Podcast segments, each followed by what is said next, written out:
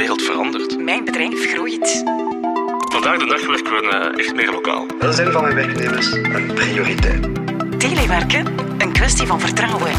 Ik, ik check bij mijn verzekeringsmakelaar. Dit is Tijden Veranderen, de podcast van je verzekeringsmakelaar. Aflevering 4, risicoanalyse.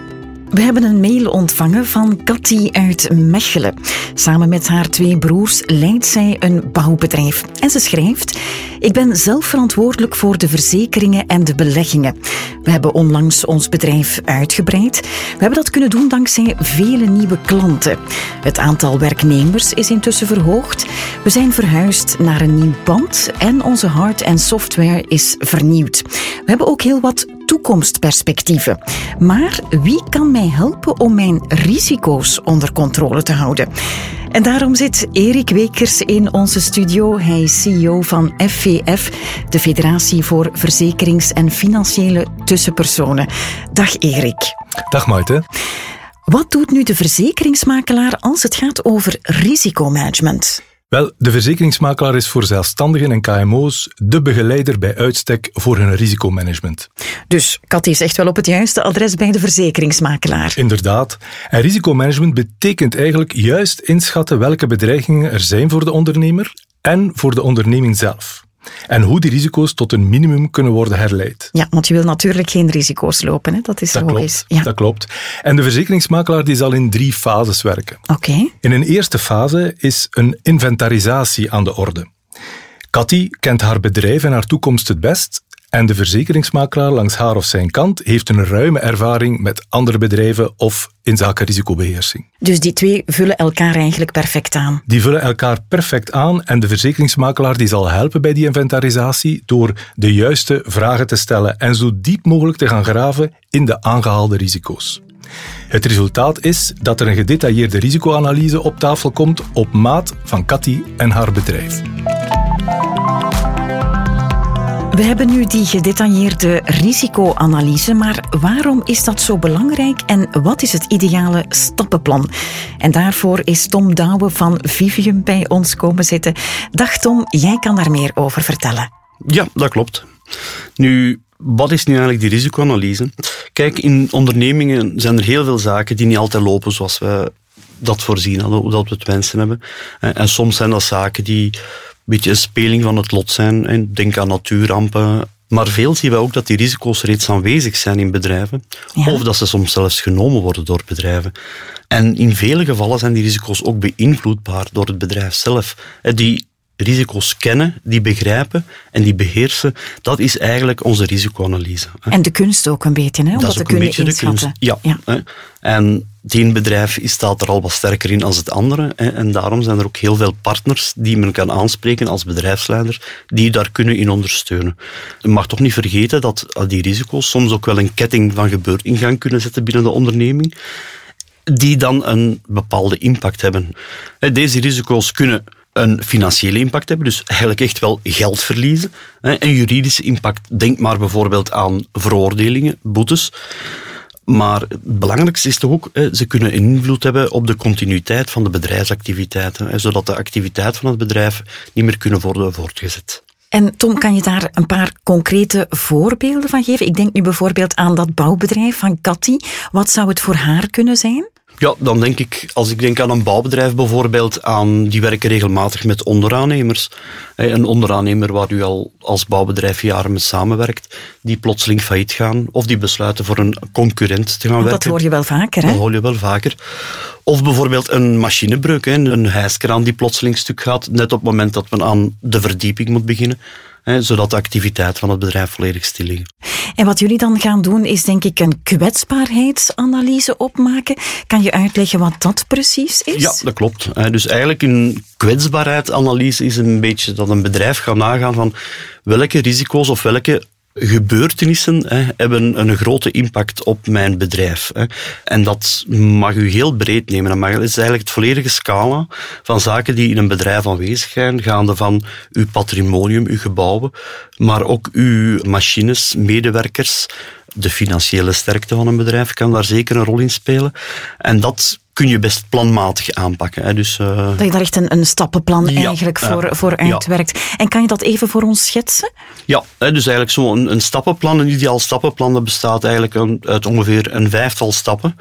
Hè, waarbij dat de eerste stap is dat eigenlijk uw risicobeheersing, dat het eigenlijk een deel van uw beleid moet zijn. Hè. Dus niet zo een beetje met de natte vinger een aantal zo niet maten- tussen de soep en de patatten, Voilà, ja, dus, eh, hè, dus dat dat eigenlijk iets is dat, eh, dat dat aanwezig is binnen het beleid van het bedrijf en dat ook dynamisch is. Hè, dat, dat dat meevolgt naar de groei eh, van het bedrijf of verandering van activiteiten. Een zekere flexibiliteit. Een zekere flexibiliteit. Een tweede stap is dan eigenlijk het in kaart brengen, hè, dat noemen ze dan de risicoanalyse. En van kijken van u de vraag stellen, wat kan er misgaan? En wat is de ernst en de impact daarvan? Zodat we eigenlijk onze risico's gaan in kaart brengen en voor een stukje ook gaan prioritiseren. En daarbij helpt de verzekeringsmakelaar En daar dan. kunnen uw verzekeringsmakelaren zeker bij helpen.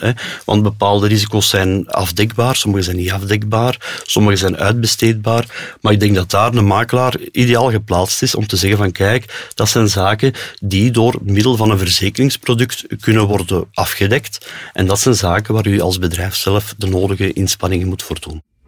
Dan hebben we al twee stappen gehad, denk ik, Tom. Wat is stap drie? Ja, stap drie is vooral uw risicocontrole, planning en het definiëren van maatregelen. Dus dat komt eigenlijk een beetje op het gebied al van de preventie. Eh, Stap vier is dat dan concreet omzetten in een actieplan. In geval van een ongeval of een incident. En hoe kunnen we dat herstellen? En stap vijf is dan eigenlijk ja, de beoordeling en de leereffecten die we kunnen halen uit ongevallen en incidenten. hè. Als we bepaalde zaken toch niet genoeg hebben ingeschat, over het hoofd gezien hebben, hè, Risico's die je toch overvallen en verrassen eigenlijk. Voilà. En om dan toch eh, daar die ook toch aan te grijpen als leermoment om die in de toekomst eh, beter te beheersen en proberen te voorkomen. Ja, dus zeer belangrijke vijf stappen, denk ik, Tom. Bedankt om die toe te lichten. En toch ook zeker dat die risicoanalyse super belangrijk is. Dank je wel. Graag gedaan. Erik, terug naar jou, want aan het begin sprak jij over drie fases. Fase 1 hebben we gehad, de inventarisatie. Maar wat is fase 2?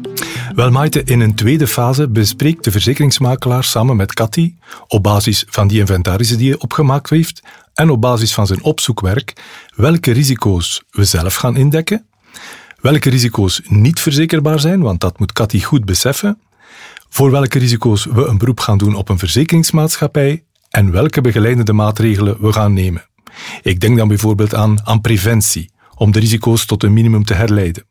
Ja, en als ik dat zo hoor, dan denk ik dat de verzekeringsmakelaar daarin opnieuw een cruciale rol speelt. Ja, want hier onderhandelt hij de meest gunstige prijs en kwaliteit voor de klant bij de verschillende maatschappijen waarmee hij samenwerkt. En dan moeten de juiste verzekeringen afgesloten worden. Maar welke verzekeringen moet je kiezen? Want tijden veranderen en dus ook de verzekeringen en de risico's. En daarover praat ik met Andy Verkouteren van AXA. Welkom Andy. Dank u. Eerst en vooral, is dat iets dat jullie inderdaad ervaren? Die veranderingen ook in de verzekeringen en de risico's? Ja, zeker en vast. Ik denk dat de enige constante is verandering eigenlijk. Hè. Dat geldt voor onze klanten, maar ook voor de verzekeringsmaatschappijen. En het is voor niemand een geheim. De afgelopen jaren is er heel wat gebeurd. Hè. Covid, inflatie, waardoor we toch een zekere switch zien in de gewoonten en de behoeften van de consumenten op verschillende vlakken. Ik ga daar nog op terugkomen. Maar het is absoluut noodzakelijk dat wij als uh, verzekeringsmaatschappij op die behoeften gaan inspelen en uiteraard doen we dat samen met de makelaar. En dan stel ik meteen de concrete vraag, hoe spelen jullie daar dan op in? Ja, er zijn verschillende initiatieven. Ik denk dat de verzekeringsmaatschappij, de ganse sector, zeer actief is geweest de laatste jaren. Als ik drie initiatieven moet oplijsten, zou ik beginnen met um, de eenvoudige toegang tot informatie. Dus ja. alles gaat snel tegenwoordig. Consumenten moeten snel en gemakkelijk toegang hebben tot informatie. Dus er gebeurt eigenlijk van alles op de websites van de verschillende verzekeringsmaatschappijen. Meer informatie, informatie dat sneller toegankelijk is. Sommige maatschappijen hebben zelf klantenzones ontworpen, waardoor eigenlijk de eindklant sneller toegang heeft tot contractgegevens, maar waar ja, die consumenten ook op een eenvoudige manier hun schadegevallen kunnen opvolgen. En dat is wel een belangrijke voor, uh, voor klanten. Dat is iets wat ik trouwens zelf ervaar. Vroeger zou je de telefoon nemen om mensen te bellen voor informatie. En nu denk ik al snel, ik ga het even opzoeken op de website. En daar komen jullie dus aan tegemoet. Ja, er zijn veel maatschappijen die ook de keuze laten aan de klant. Hè? Want we zien eigenlijk dat de klant geen keuze wil maken tussen digitaal en de menselijke aanpak. En dat is heel belangrijk. Dus dat eigenlijk de consument kan voelen van oké, ik kan bellen, maar ik kan het ook terugvinden online. En dat is eigenlijk een, ja, een grote switch geweest voor de maatschappijen, die mix tussen digital en human. Dat is dus al één ding waar jullie rekening mee houden. Wat is punt twee? Digitalisatie. Dus we zien een hele versnelling op vlak van digitalisatie, ook in de verzekeringssector. Dus uh, er zijn studies die aantonen dat we de laatste 18 maanden een sprong gedaan hebben van bijna vijf jaar. Dus de consument is ook meer open voor die digitalisatie op vlak van verzekeringen. Een sprong van vijf jaar ja, in die korte tijdspannen. Oké. Ja, dus echt een, een grote versnelling door het feit dat die informatie sneller toegankelijk moet zijn. echt door die versnelling ook in ons dagdagelijkse leven. En ja, de sector heeft dan van alles eigenlijk gedaan, digitale tools ontwikkeld, samen met de makelaar uiteraard. En een van die tools, dat zijn online check-ups, waar de eindklant eigenlijk heel snel kan weten wat zijn nu de verzekeringen die noodzakelijk zijn binnen mijn activiteit.